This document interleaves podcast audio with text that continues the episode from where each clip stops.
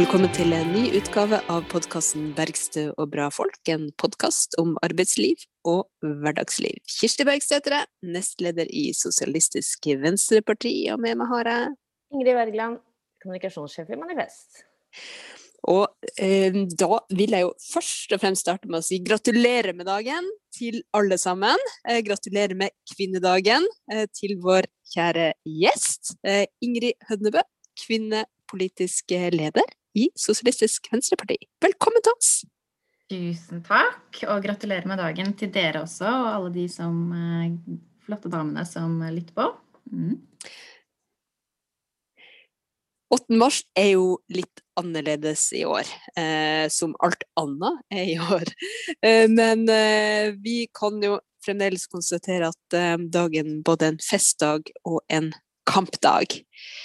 Eh, hva betyr 8. mars for deg, Ingrid? Hødnebø, må jeg jo nesten si, siden vi har to Ingrid her! Totale kaos. Eh, nei, 8. mars for meg betyr vel nettopp det. det er en festdag. Det er liksom litt det samme som 1. mai, at det kribler i magen og man gleder seg til å komme ut og treffe folk som man deler politisk mål med, og eh, høre på bra musikk, gå i tog, liksom gire seg opp og kanskje gå på, på, et arrangement og ta en øl seinere på dagen. Men også en sånn veldig fin, eh, fin kampdag hvor man liksom i forkant har hatt parolemøter og diskutert liksom sånn er, Hvilke er de store, viktigste kampene vi, vi står sammen om eh, nå? Så jeg tenker at det er en sånn Det er en av de virkelig store merkedagene for meg, da. Mm. Hvis det var eh, vanlige tog, hvis det var et vanlig liv, og hvis vi kunne møtes og samles på den måten vår bevegelse gjør på 8. mars og 1. mai, hvilken parole ville, ville, du valgt å gå under da?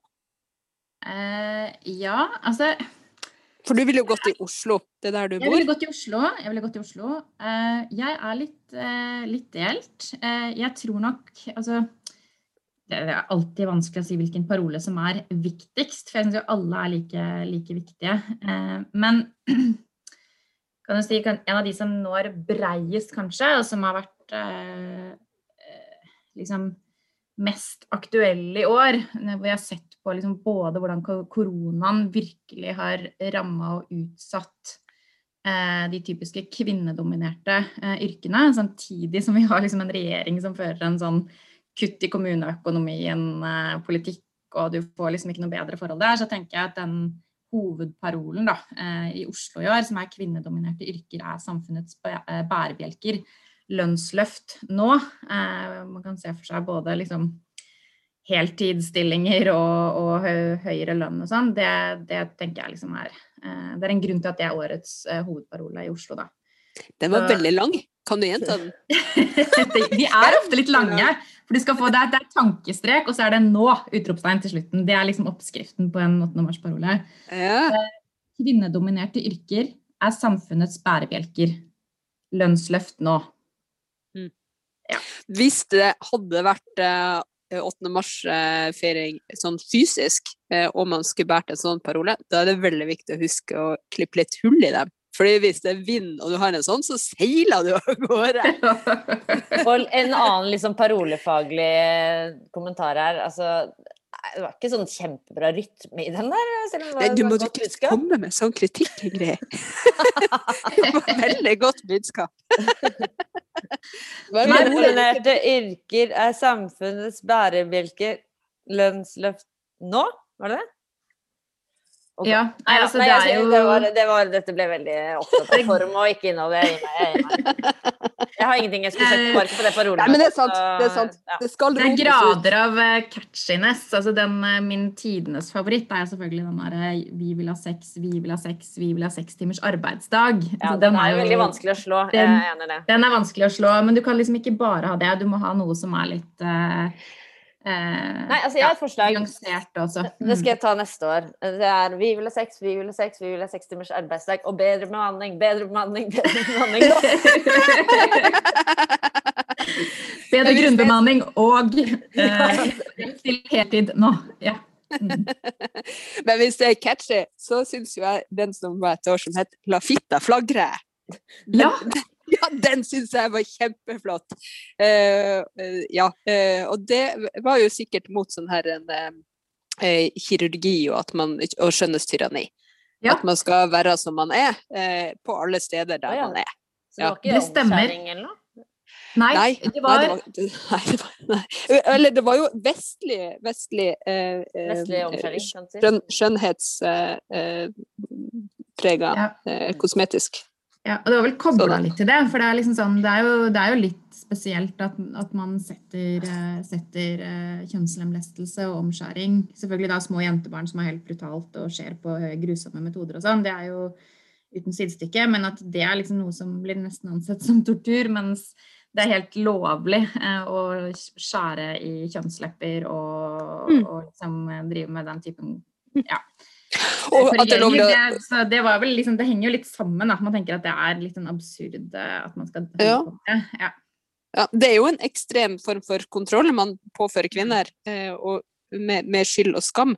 Eh, enten eh, gjennom å, å lemleste eh, kvinners kjønnsorgan, eller og, og også det å å eh, ha en industri som rett og slett eh, får eh, damer til å føle at de mm. ikke engang er bra nok. Um, ja, ja. Det er en del av altså, den utspilte vestlige friheten mm. da, ikke sant? som kvinner mm. har, men som egentlig bare er internalisert tvang, det også. Mm. Mm.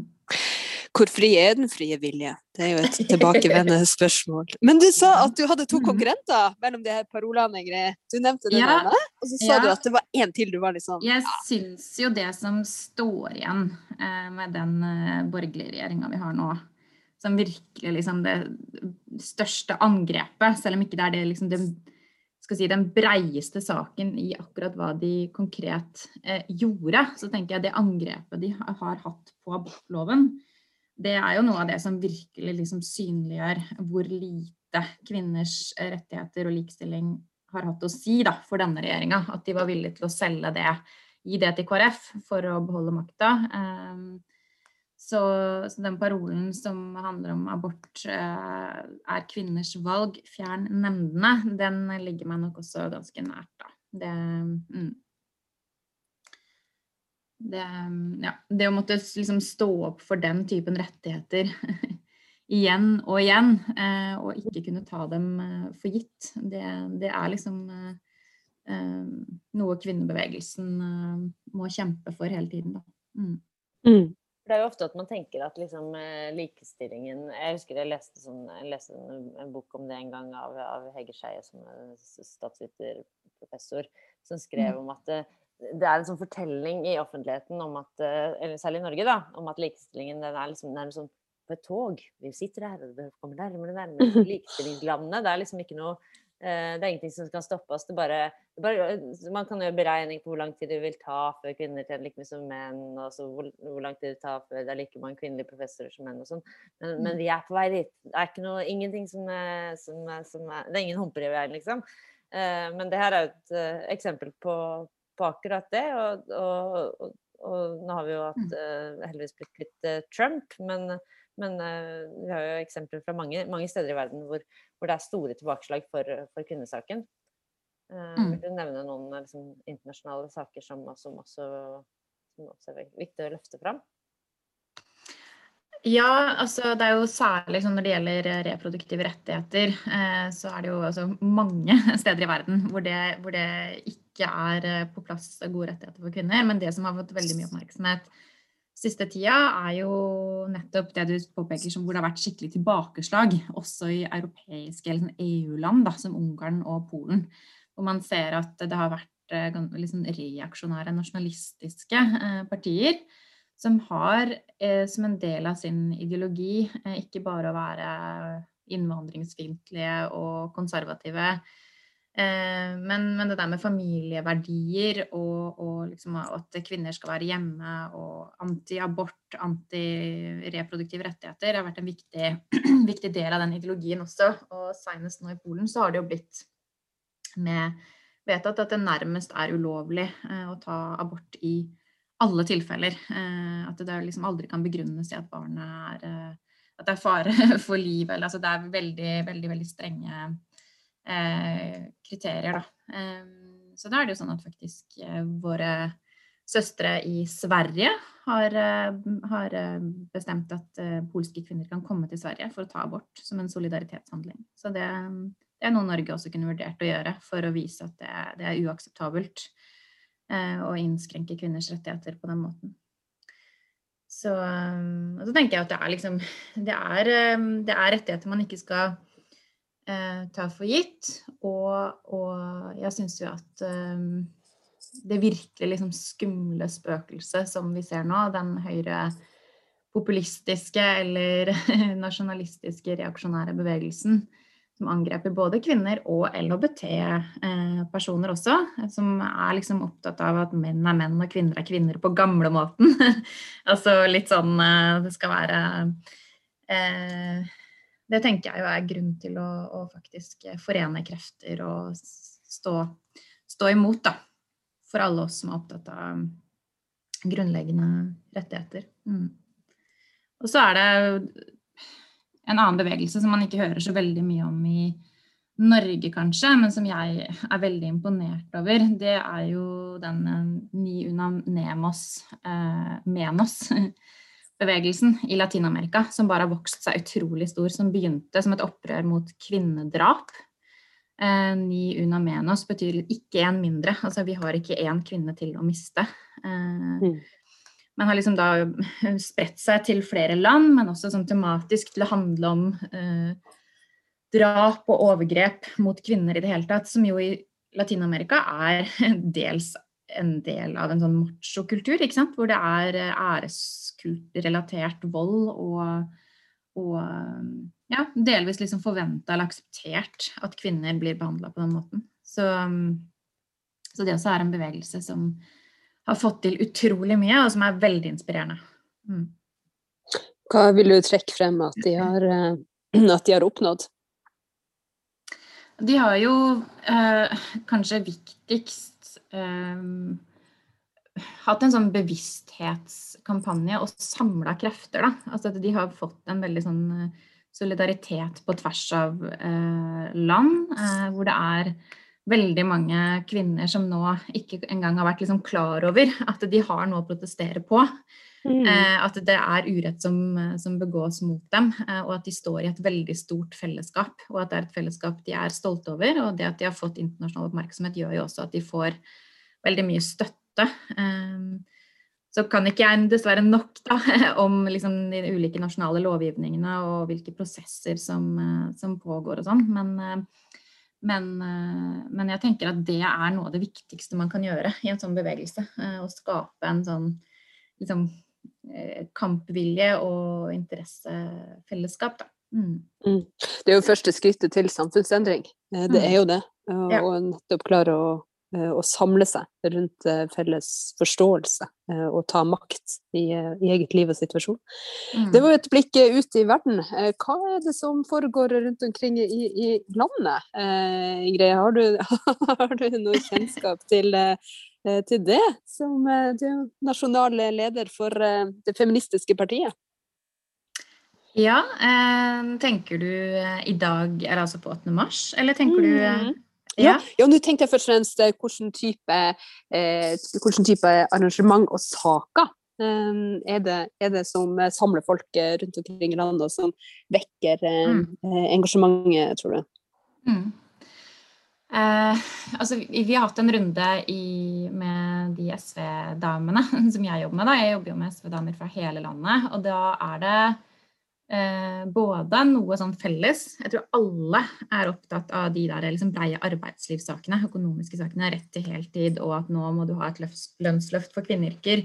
Ikke minst i forbindelse med koronaen, hvor det har vært eh, under press. Um, og så er det litt sånn uh, ulike altså Noen er veldig opptatt av det med å bekjempe vold mot kvinner, og at krisesentrene uh, trenger uh, ekstra bemanning og et ekstra løft. Også mm. av koronaen, hvor vi vet at sant, flere kvinner har blitt utsatt for vold. Um, SV skal også ha et forslag om, å, å, et krisesenterforslag i Stortinget eh, som eh, i dag, eh, om at man skal ikke skal ha eg, høy egenandel i betaling, f.eks. Sånn. Altså, du må på en måte kunne være lavere terskel for alle kvinner å oppsøke krisesenter. Både geografisk og økonomisk. Og det tror jeg er ganske viktig for mange, også rundt omkring i liksom, Distrikts-Norge. At det kan ikke være for store avstander. Tilgjengeligheten er, er, veldig viktig for å kunne få den beskyttelsen. Og så vet jeg at uh, ja. I Agder f.eks. så har de vært veldig flinke til å inkludere voksenopplæringa og mange damer med uh, innvandrerbakgrunn. Og har uh, ja, dialogmøter med dem og diskuterer hva som er viktig I, I 8. mars-arrangementet, eller? Ja. Mm. ja. Mm. Og har også en sånn kjempekul aksjon hvor de henger opp opp kvinnenavn på gateskiltene hvor det er mannsnavn. For dette er jo sånn at det bare er Hvis man skal se på gateskiltene rundt omkring, så virker det som det bare er menn som har liksom gjort ting eller oppnådd ting i historien. Mm. Uh, ja. Så, det er jo en gjenganger. Både statuer ja. og gatenavn og sånt i byene. Ja. Gå ut og mm. henge, heng opp eh, Kvinnepolitisk natt, er det ikke det de kaller det? Ja. Mm. Jeg synes jo folk Å henge opp plakater er det noen som skal gjøre. Og så er det veldig mye sånn Folk skriver og skriver og publiserer eh, leserinnlegg om sant, samtykkelov, eh, om eh, eh, viktigheten av kvinnelig representasjon i politikken. Så det er mange ulike saker eh, rundt mm. omkring. Og fødetilbud i distriktene har vært en kjempeviktig sak. ikke sant?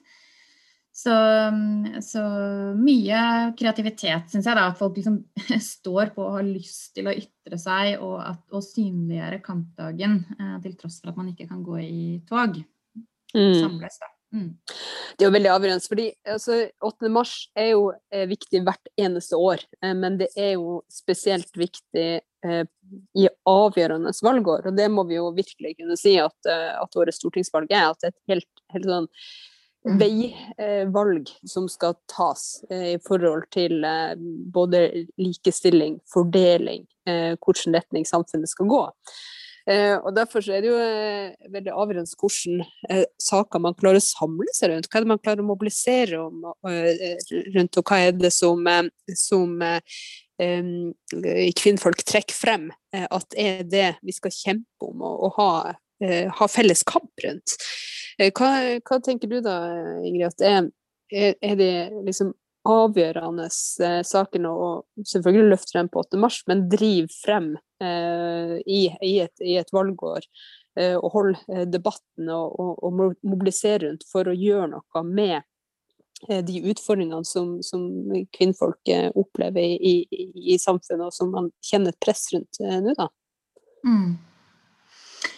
Um Altså jeg tenker, Hvis du skal tenke altså, valgkamp, eller hvorfor jeg da, og mange andre på venstresida, eller rød-grønn side, ser et behov for et skifte, eh, så henger det nok sammen med at eh, si, mye av liksom det som er regjeringa, nåværende regjeringa sine overordna politiske prosjekter, eller deres ideologi, det rammer jo kvinner ekstra hardt. ikke sant?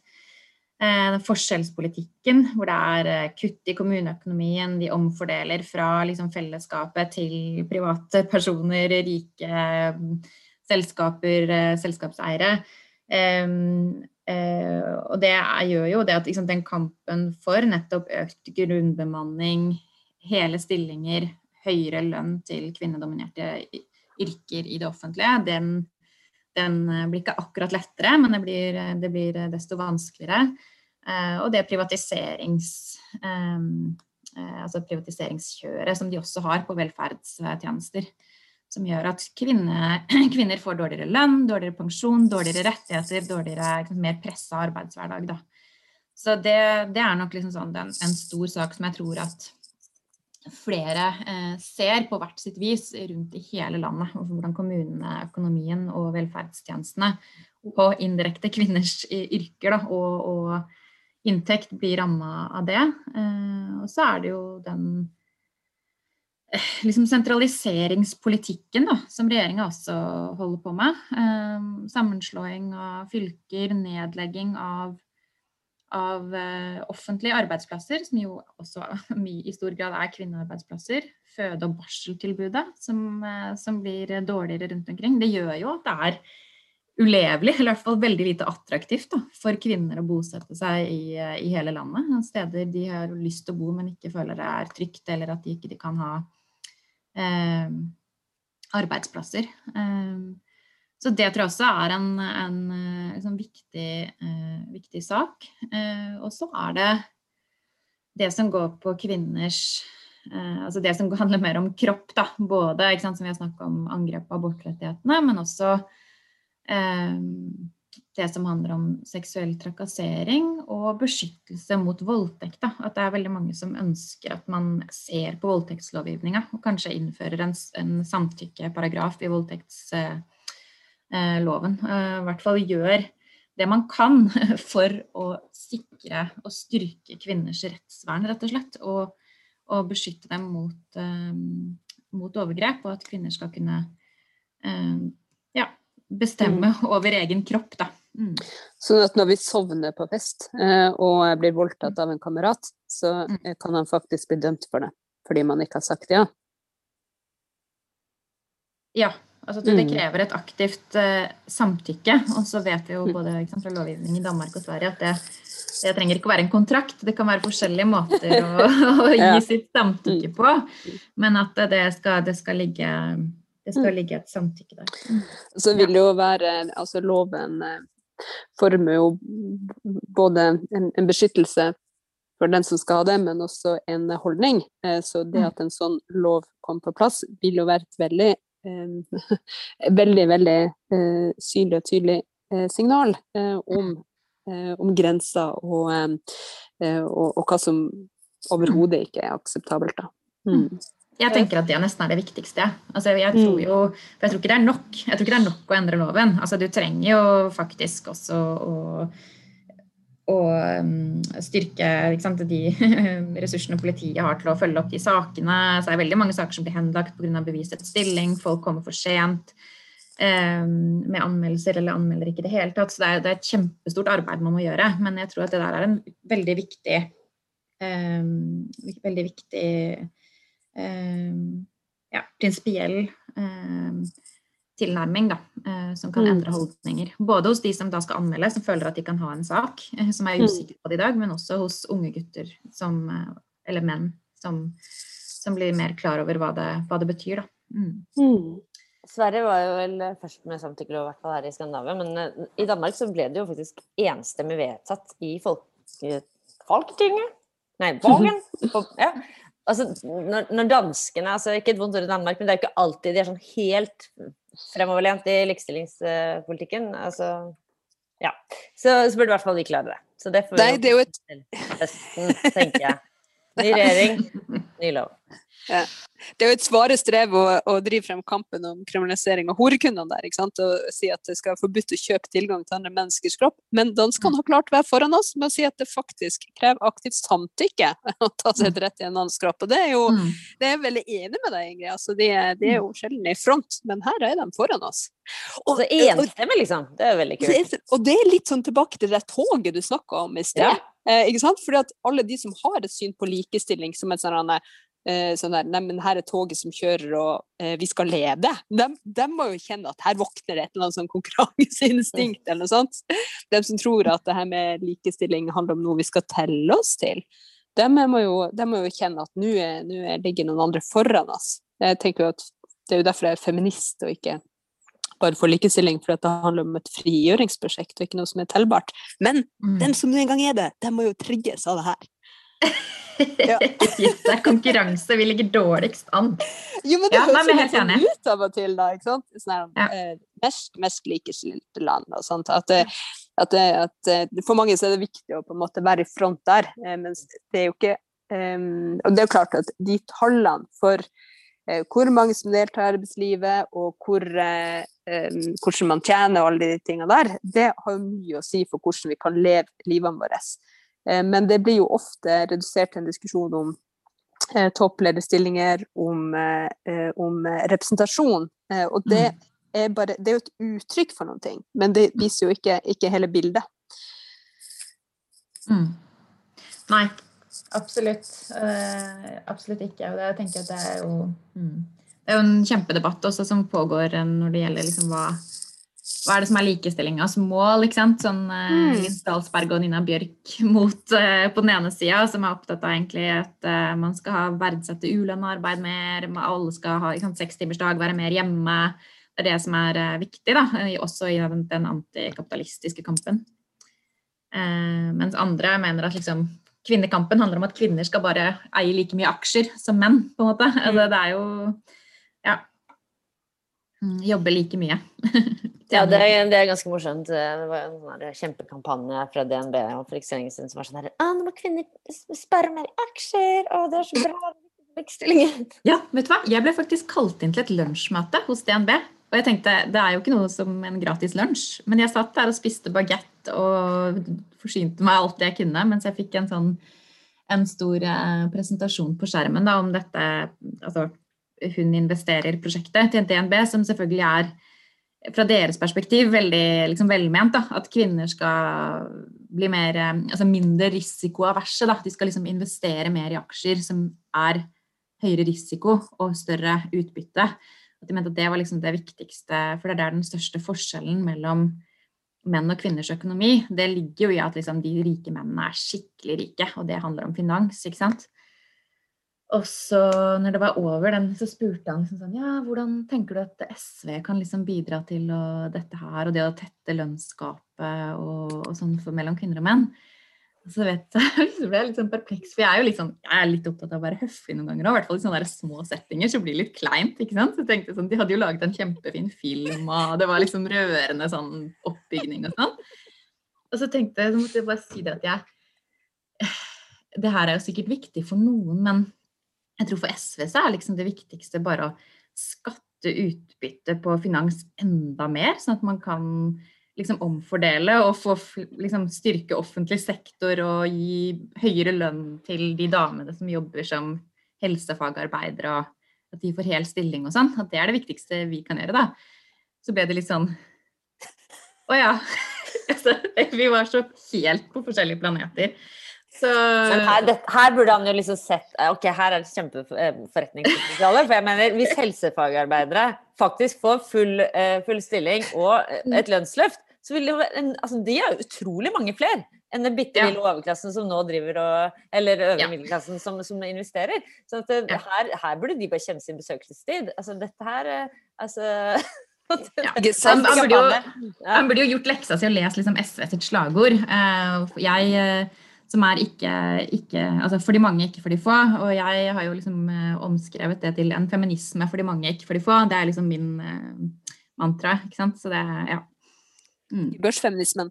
Men eh, eh, Wergeland har jo et, et, poeng her. fordi her snakker vi jo ikke bare om folk som har deltidsstillinger og dermed lav lønn i, og lav lønn i utgangspunktet. Vi har jo også en pensjonsreform som gjør at, eh, at kvinnfolk og, og, veldig mange av dem som virkelig står i tøffe jobber, vil, vil jo bli kjempefattige. Så, mm. Eh, så, derfor så, så, eh, er det jo eh, virkelig sånn fremtidsretta å tenke at om de bare sparer litt mer, får litt mer, så de kan investere mer, så blir det jo en trygg alderdom da. Og så er jo pensjonsreformen også uh, lagt opp nå sånn at hver og en av oss skal jo også drive og trikse og mikse helt sånn sinnssykt med vår egen pensjon. Det er jo liksom mm. sånn Ja, dette er bare opp til deg. Sånn at hvis de har lyst til å gjøre alle, alle lavtlønte skikkelig risikovillige, så uh, ja.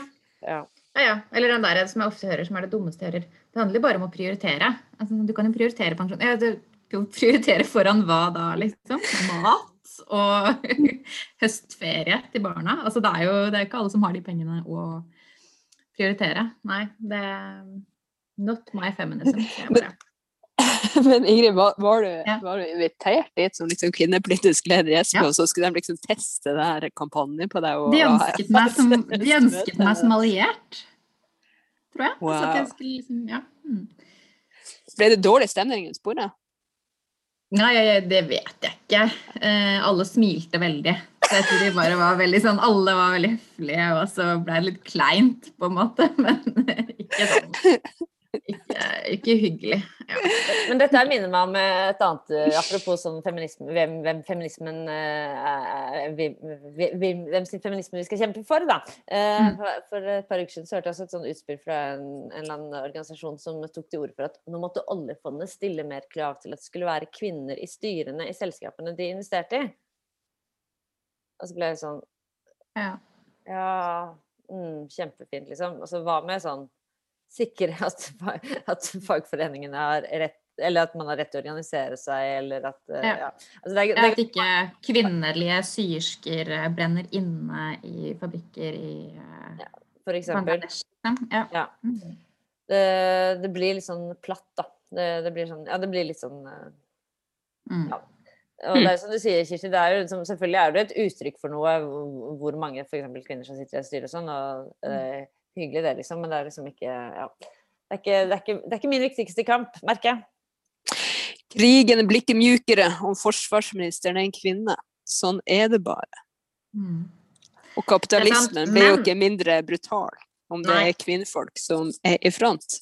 Men samtidig så må jeg si vi, vi diskuterte dette her litt på et møte jeg var i går. og nå er jo jeg litt sånn, jeg er enig med deg, Kirsti. Jeg tror ikke akkurat at krigen blir eh, mykere. Og damer kan, eh, kan eh, på topp kan, kan, være like ille eller like gode som menn. Men statistisk sett så ser man jo da nettopp når det gjelder det der med risiko, hvor villig man er til å ta risiko og hvilke perspektiver man har og sånn, så ser man i liksom klimaarbeid, når det gjelder veisikkerhet, altså alt mulig så, så, er det liksom der hvor det har vært kvinnelige ledere, så er det eh, tatt mindre risiko. Og man har et større samfunnsperspektiv ofte, og ser gjerne liksom barn. Man ser, man ser trygghet. Man, man, tar mindre risiko, og det er eh, liksom litt andre ting som ofte tas med i beregninga, da. Eh, og det, det, det? Jeg tenker at liksom kvinner, kvinner av er liksom helt annerledes enn menn, sånn essensialistisk, eh, liksom, eller hva det heter. Men, men, eh, men, statistisk sett så kan det ha noe å si, det. Så jeg er liksom ikke helt mot at man skal tenke, tenke sånn, men det er absolutt ikke, ikke, den viktigste kampsaken min. Jeg er ikke mot at, uh, at, kvinner skal sitte i styret, ikke, men ja. Mm. Mm. Nei da. Nei, men det, er, det er jo interessant. Det er det absolutt.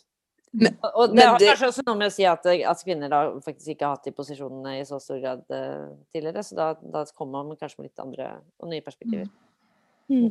Og så ser man jo da også i, når det gjelder koronaen, at de landa som, eh, som eh, har hatt kvinnelige statsledere, har gjort det bedre enn de med mannlig statsoverhode.